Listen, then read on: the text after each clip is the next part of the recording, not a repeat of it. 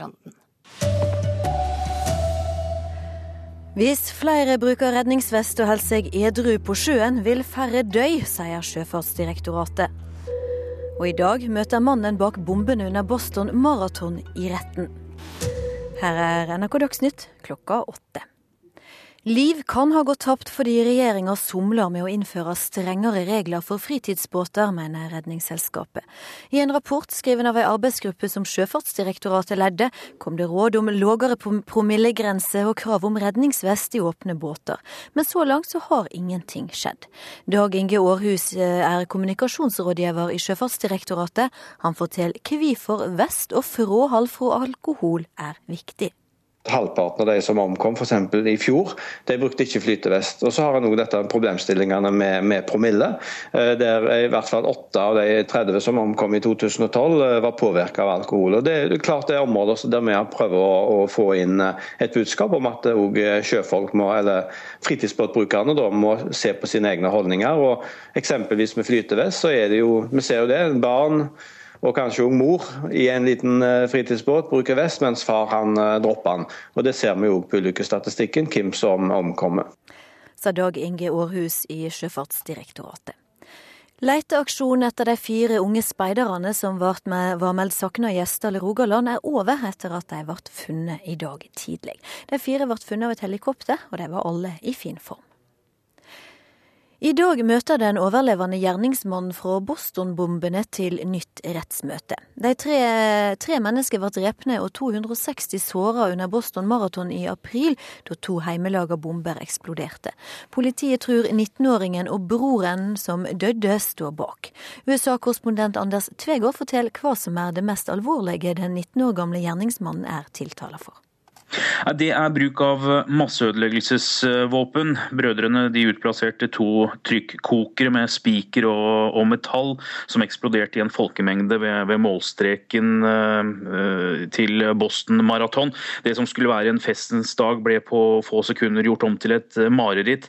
19-åringen er også uh, tiltalt for drap på en politimann uh, under jakta på gjerningsmennene, og for medvirkning til drap på broren, som ifølge politiet ble overkjørt. Også ødeleggelse av eiendom, som han er tiltalt for, kan gi dødsstraff. En mann i 50-åra er arrestert, sikta for menneskehandel etter en politiaksjon mot et bostadhus i Bergen i går ettermiddag. Politiet tror at nærmere 30 personer har bodd i huset, mellom disse var det flere barn. Politiet forteller at flere personer stakk av fra området da de kom. NRK Dagsnytt, Ragnhild Bjørge men opplever det aldri å være isolert her oppe. Jo, det er nå så. Men Vi har jo selvsagt digitalradio. Nå når FM-nettet blir slått, så kan vi ikke bruke de gamle mottakerne lenger. Nei, det skulle tatt seg ut. Han er så enkel å bruke, og du kan se det du hører på. Og så får du flere kanaler, og så er han støyfri. Det er helt utrolig. Digitalradio. Det er framtida, da. Du får mer radio i en digitalradio. Les mer på radio.no.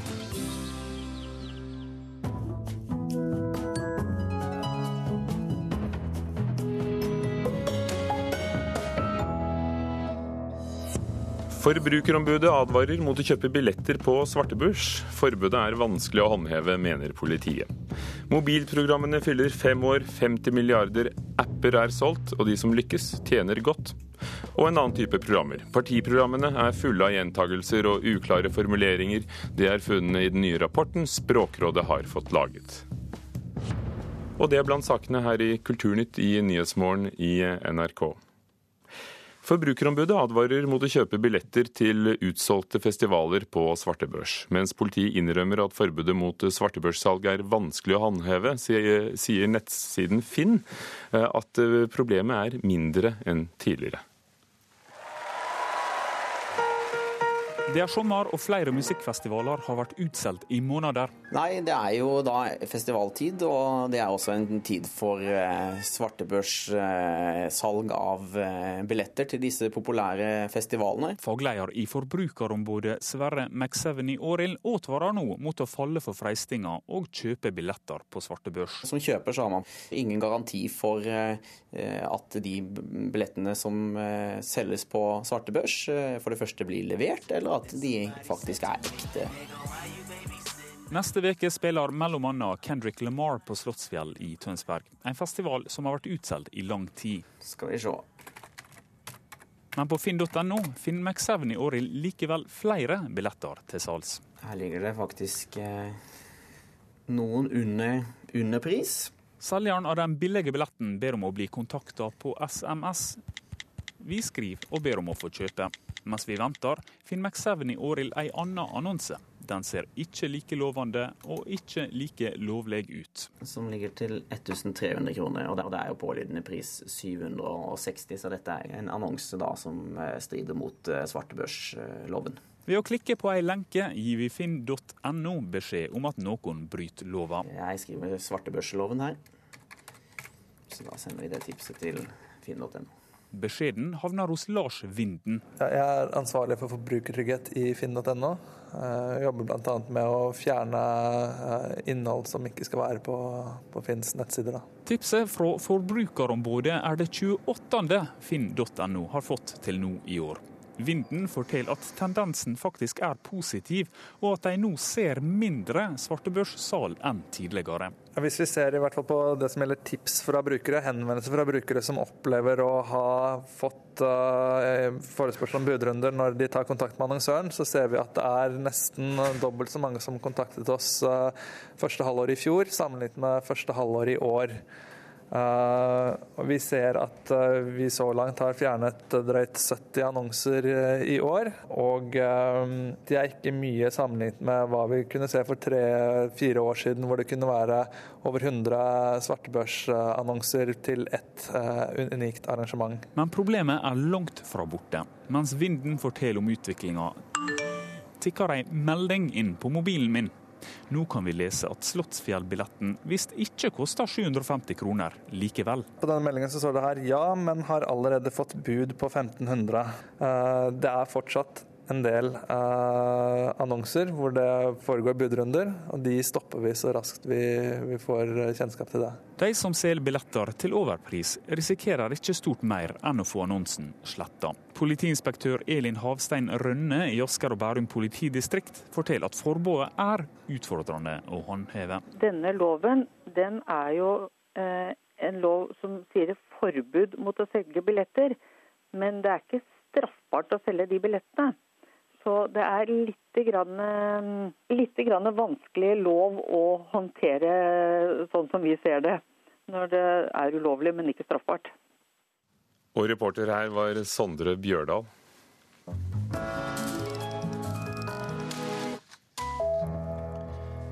Utenriksdepartementet avslutter ordningen med pressestipend for å bli med utviklingsministeren på reiser til utlandet. Denne reisestøtten har fått kritikk, bl.a. fra Norsk Journalistlag, for å være et middel til å skaffe presseoppslag om statsrådens arbeid. Utviklingsminister Heikki Eidsvoll Holmås eh, legger ned stipendet og gir heller pengene på en måte som gjør at journalister selv søker stipend til uavhengige reiser for å dekke utviklingspolitikk. Vi legger ned den gamle ordningen med pressestipender til, eh, til journalister som vil være med mm, utviklingsministeren, eller meg, på tur. Eh, og istedenfor så dobler vi pengesummen til en halv million kroner.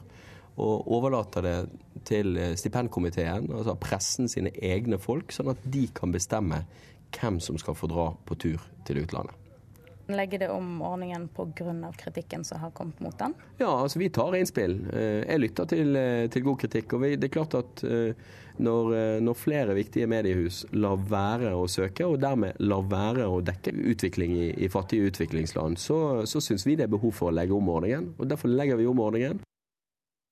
Sa Heikki Eidsvoll Holmås, utviklingsminister. Kunstformidlere skal lære ansatte å se andre ting enn 22.07 i veggmaleriene i Helse- og landbruksdepartementets lokaler, skriver Aftenposten.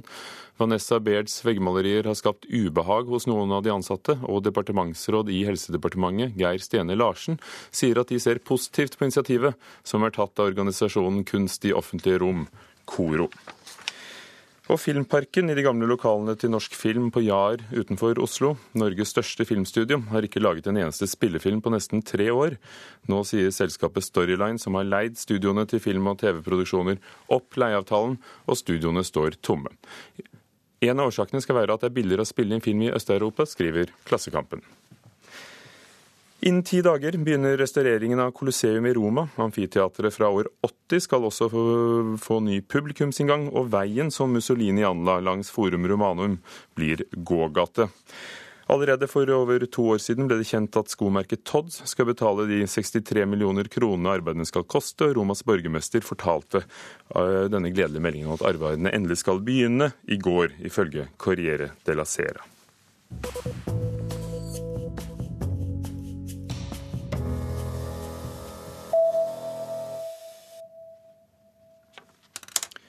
Noen kalte det en IT-revolusjon da amerikanske Apple lanserte sin nettbutikk for mobilprogrammer AppStore for fem år siden.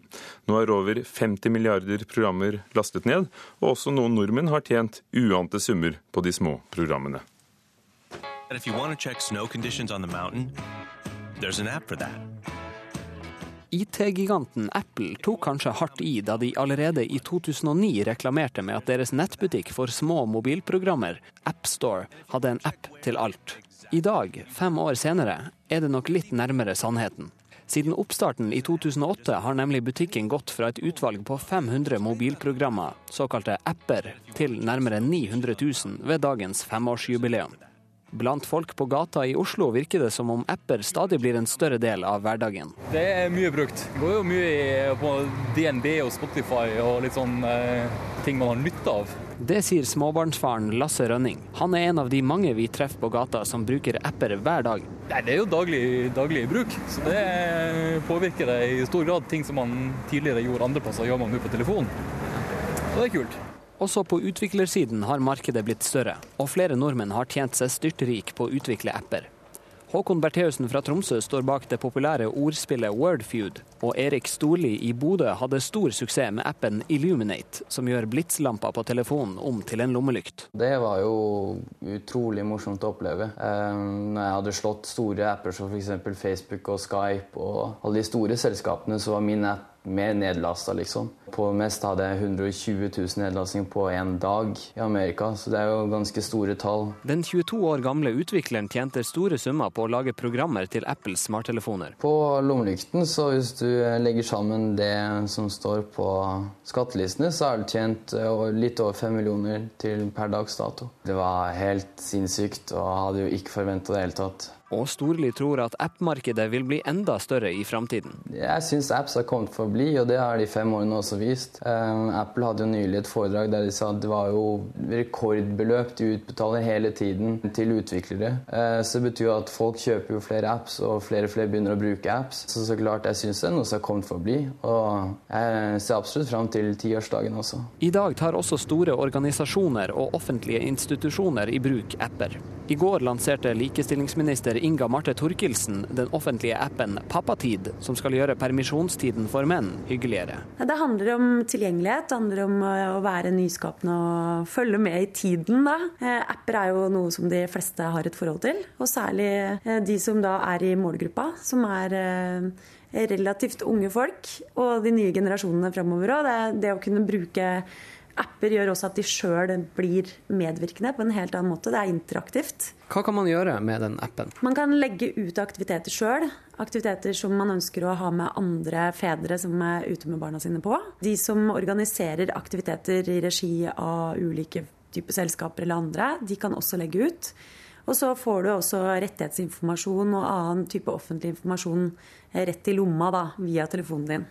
Andre synes det kan bli for mange apper, f.eks. Mitira Wala. tror sikkert at det kan bli litt for mye. At vi blir avhengig av å være sosiale over apper istedenfor å være sosiale seg imellom. Det er ikke småbarnsfar Lasse Rønning helt enig i. Han har en klar favoritt. Apper som får ungen til å være stille når vi er ute og flyr, de er veldig populære om dagen i hvert fall. Fins dem? De fins, absolutt. Mye lyd og farger og blinkende greier og sånt. Det fungerer bra. Og det var reporter Martin Hotvedt som hadde sett på appene man kan få tak i. Gisle Hannemyr, universitetslektor ved Institutt for informatikk ved Universitetet i Oslo. Hvordan har eh, programmene for smarttelefoner utviklet seg siden begynnelsen? Jo, altså De har utviklet seg i takt med telefonene. Altså, telefonene har jo blitt kraftigere, mm, bedre batterikapasitet og mer minne. og Det gjør at det er mulig å lage mer avanserte apper nå enn det var for eh, fem år siden. Hadde du trodd det for fem år siden? At det skulle bli så stort? Jeg hadde vel ikke trodd at det skulle bli så stort. Uh, altså Det har jo vært en slags symbiose mellom telefonene og disse appene. Det er jo appene som gjør smarttelefonene smarte, og som mer og mer har gjort at uh, vår bruk av IT har blitt uh, mobil istedenfor stasjonær. Altså Man hadde jo tidlig en IT-revolusjon hvor PC-en kom hjem til folk, og hvor man da hadde avansert datakraft i hjemmet. Og det smarttelefonen og appene har gjort, det er jo at den samme nå funksjonaliteten, den er i lomma på oss. I dag fyller også Apple sin butikk eh, fem år, men Android-telefoner og andre plattformer er jo like store i markedet. Er det stor forskjell på hvordan programmene virker? Nei, de virker nok på, på samme måten. Nå skal det sies at det finnes flere typer apper. Noen som er såkalt native, altså at de er laget spesielt for telefonen. Og noen som egentlig bare er eh, små skall rundt skybaserte tjenester.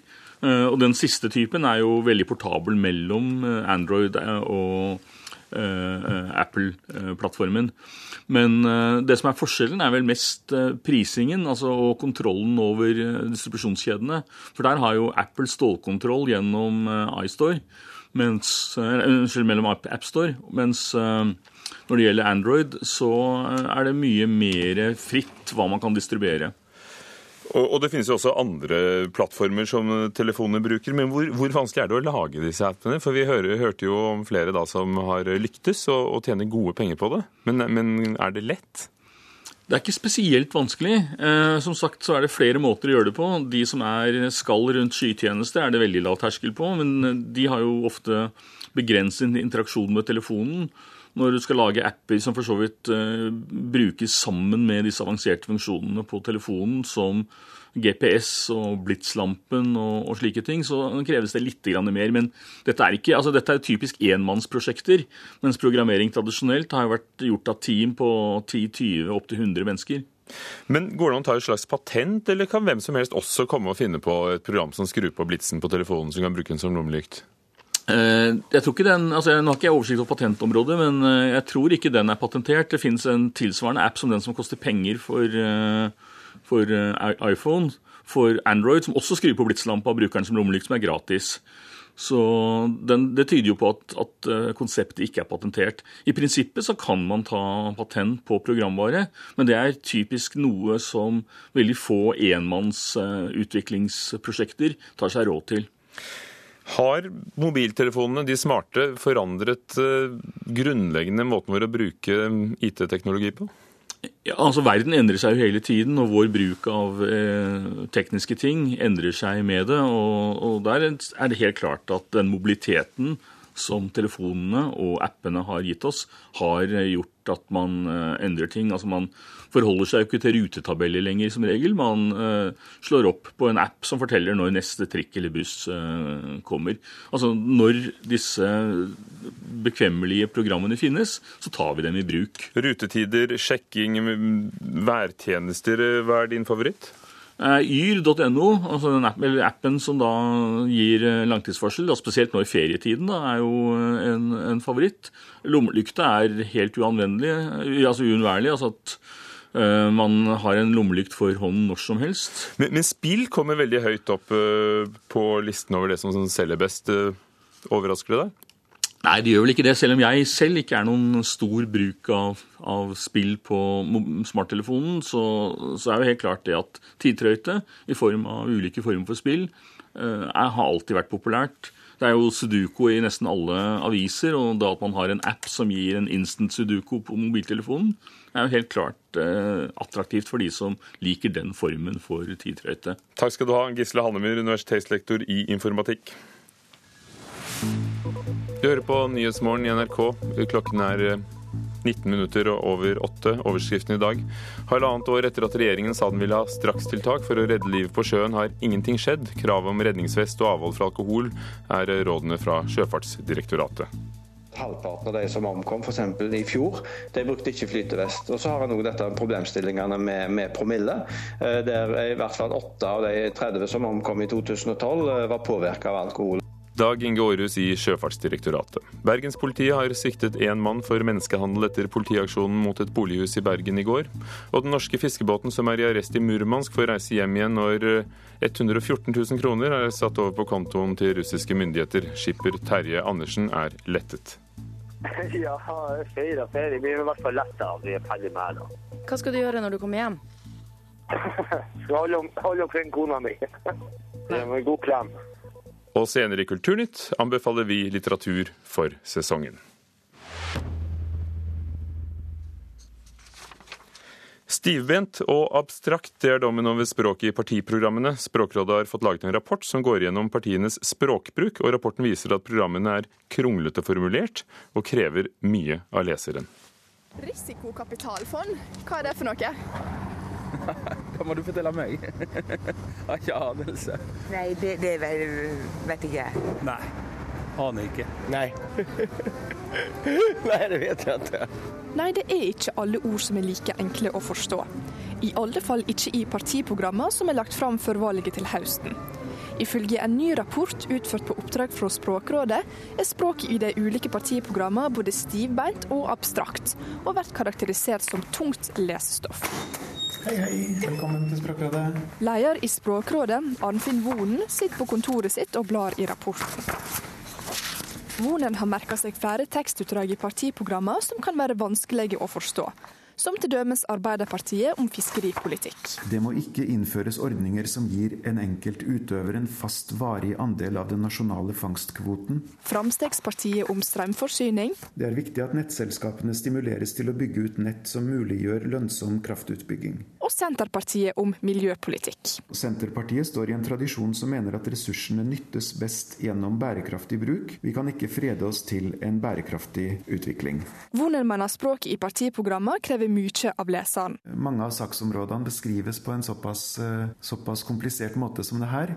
Så blir summen av det litt sånn avskrekkende, tror jeg, på mange. Så er da altså spørsmålet om det er riktig, eller om det kan bidra til å gjøre eh, politikken litt ekskluderende, da. Skal vi I lokalet til Senterpartiet er Lars Rotten Krangnes i ferd med å åpne en pakke med rykende ferske partiprogram. Skal vi se om vi får opp denne pakken med 60 stykk av Senterpartiets prinsipp- og handlingsprogram 2013-2017. Krangnes er utgreier i Senterpartiet og har ansvaret for å gjøre partiprogrammet tilgjengelig for publikum. Han forklarer at partiet i år har prøvd å gjøre programmet lettere tilgjengelig enn tidligere. Vi har tenkt mer på det i år eh, enn det vi har gjort tidligere. Eh, Vi har prøvd å få det mer tilgjengelig, eh, altså et enklere og tydeligere språk, og mer kortfatta enn før. For partiprogrammet til Senterpartiet er i år på 60 sider. Noe som er under halvparten av sideantallet til KrF, som har rekorden med hele 169 sider. Krangnes mener likevel at Senterpartiet kan bli enda bedre. Men jeg tror fortsatt det er et godt stykke å gå før vi har et program som er veldig tilgjengelig for, for alle velgere. Men så kanskje vi ikke skal dit heller, da. For et program må jo faktisk si hva vi mener. Jon Hustad er forfatter og journalist i avisa Dag og Tid. Tidligere i år fikk han i oppdrag å lese gjennom samtlige partiprogram.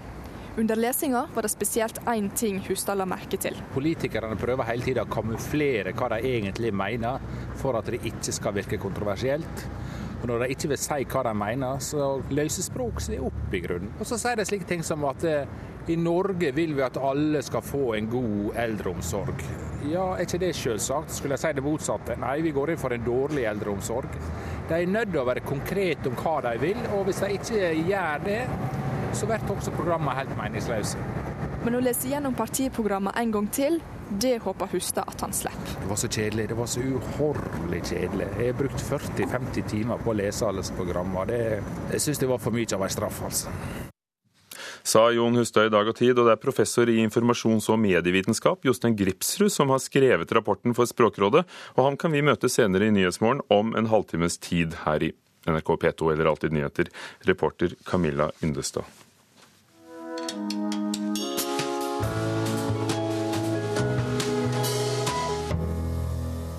Det er ikke hvem som helst som får anbefale litteratur til Kulturnytts eh, lyttere i sommer. I dag er det Katrine Krøger, litteraturkritiker i Dagbladet. Velkommen. Takk for det. Hva er sommerlektyre?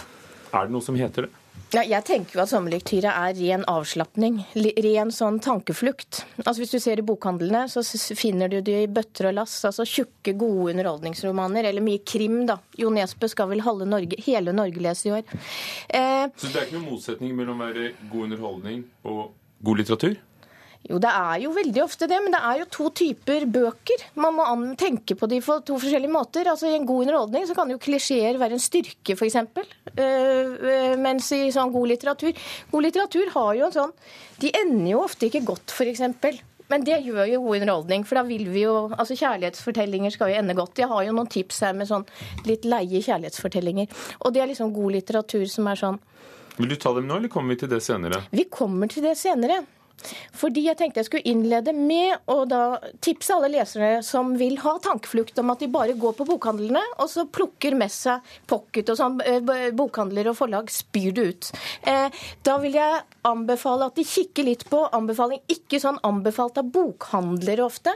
For det er en ny trend i bokhandelbransjen at de skriver istedenfor sånn at gode kritikker ikke sant? At det, god, at det har fått god kritikk, så er det ofte bokhandelanbefalinger på innbretten. Det er ofte et dårlig tegn. For det betyr at kritikken har vært elendige, hvor de liksom griper fatt i sine egne selgere som skal anbefale. Men det er noe, ja, Eller de som ikke er så glad i kritik, kritikere, kan jo ta bokhandelanbefalingen. Men her kommer kritikernes anbefaling. Katrine Krøger. Ja. Eh, det er Jeg har tatt fra våren, og jeg har prøvd å ta norsk. Og så har jeg tenkt at eh, i Sommer-Norge, hvor alt er lett og lyst, så, så skal vi ha litt alvor. Erik Fosse, Gaza-legen. 2009. Han og Mats Gilbert var i Gaza, det husker vel de fleste, eh, og skrev øyne i Gaza fra den tiden. ikke sant? Altså seks dager i Gaza. Han har kommet med en slags, ikke selvbiografi, men en sånn ren sakprosa fra sine 30 år i felten. Altså Han startet i 79 i AKP, men dro ut og virket. Eh, boka er eh, veldig saklig. altså Den er helt sånn uprivat, upersonlig nesten, som jeg liker veldig godt. Det er rene rapporter fra de mest eh, brutale overgrep, altså fra krigsscener. Og det er noe sånn kirurgisk presisjon i språket, for han er jo kirurg, ikke sant? At han skriver veldig sånn nedpå. Um, uh, jeg liker det så veldig godt, for det er helt uten synsing. Det er helt usentimentalt og veldig sånn saklig. Eh, den heter 'Med livet i hendene'. Erik Fosse. Erik Fosse. Eh, Hilde Østby, kjempetøff eh, debutant. Leksikon om lengsel. Hun eh, skrev Hun har jeg tror egentlig det er basert på hennes egen ulykkelige kjærlighetsfortelling. Hun har altså 29 fortellinger. Hun har tatt for seg ni, øh, øh, fortellinger fra verdenslitteraturen. Og så har hun fulgt sånn A, B, C, D. F.eks. A er Aligeri. altså Hun vrir og vrenger på sånne store romantiske kjærlighetsfortellinger. Også, Også kjent som Dante, men guddommelig komedien. Ja. ja og hvor hun harselerer over det. Altså Det er firkantsex og det er eh, ditt og datt. Hun kan mye sånn klassisk litteratur, men hun vrir på det så alt blir veldig sånn eh, nedpå, og det blir ikke så veldig romantisk. Eh, og så prøver hun bl.a. å lokalisere hva kjærlighet er, på en sånn medisinsk måte. Og hun mener at det ikke kan befinne seg i hjertet, men i binyrene. Det er veldig morsomt, og det er lettlest, og så er det godt, og så er det så tøft at det kommer en god norsk debutant. Og så får du en til. James Walter, 'Lysår'. Han debuterte i 57. 50, eh, britt, eh, amerikaner. Han er nyoppdaget. Han er kalt den mest underkjente av alle underkjente amerikanske forfattere. Kom nå i, i vår. En veldig sånn lei kjærlighetsfortelling. Det er en litt sånn augustkveld over kjærlighetsfortellingen fra USA i 70-årene. Men i oversettelse? Ny oversettelse? Nei, ja, nei, den er kommet nå. Altså, han er nyoppdaget. Eh, så det er en klassiker som jeg vil på det lille forlaget Arneberg. De har funnet frem til den klassikeren. Den er eh, fra ja, fra New York. Det er typisk sånn New York, litt sånn bablete bok, men veldig sånn trist og leit. Augustlesning. Takk skal du ha, Katrine Krøger, eh, litteraturkritiker i Dagbladet, Erik Fosses bok, Hilde Østbys 'Leksikon om lengsel' og James Salter. Lysår. Lysår. Light years. Light years. Eh, vi er ikke lysår unna slutten av Kulturnytt, for det nærmer seg. Og i dag har vi hørt at færre meldinger om svartebørssalg av konsertbilletter kommer inn ifølge finn.no, men politiet sliter med å håndheve forbudet. Teknisk ansvarlig for sendingen Guri Heisberg Finnsveen, produsent Ina Strøm, programleder Ugo Fermariello. Du hører på Nyhetsmorgen, NRK P2 eller Alltid nyheter. Klokken er straks halv ni. Først noen ord om hva som skjer senere i dag.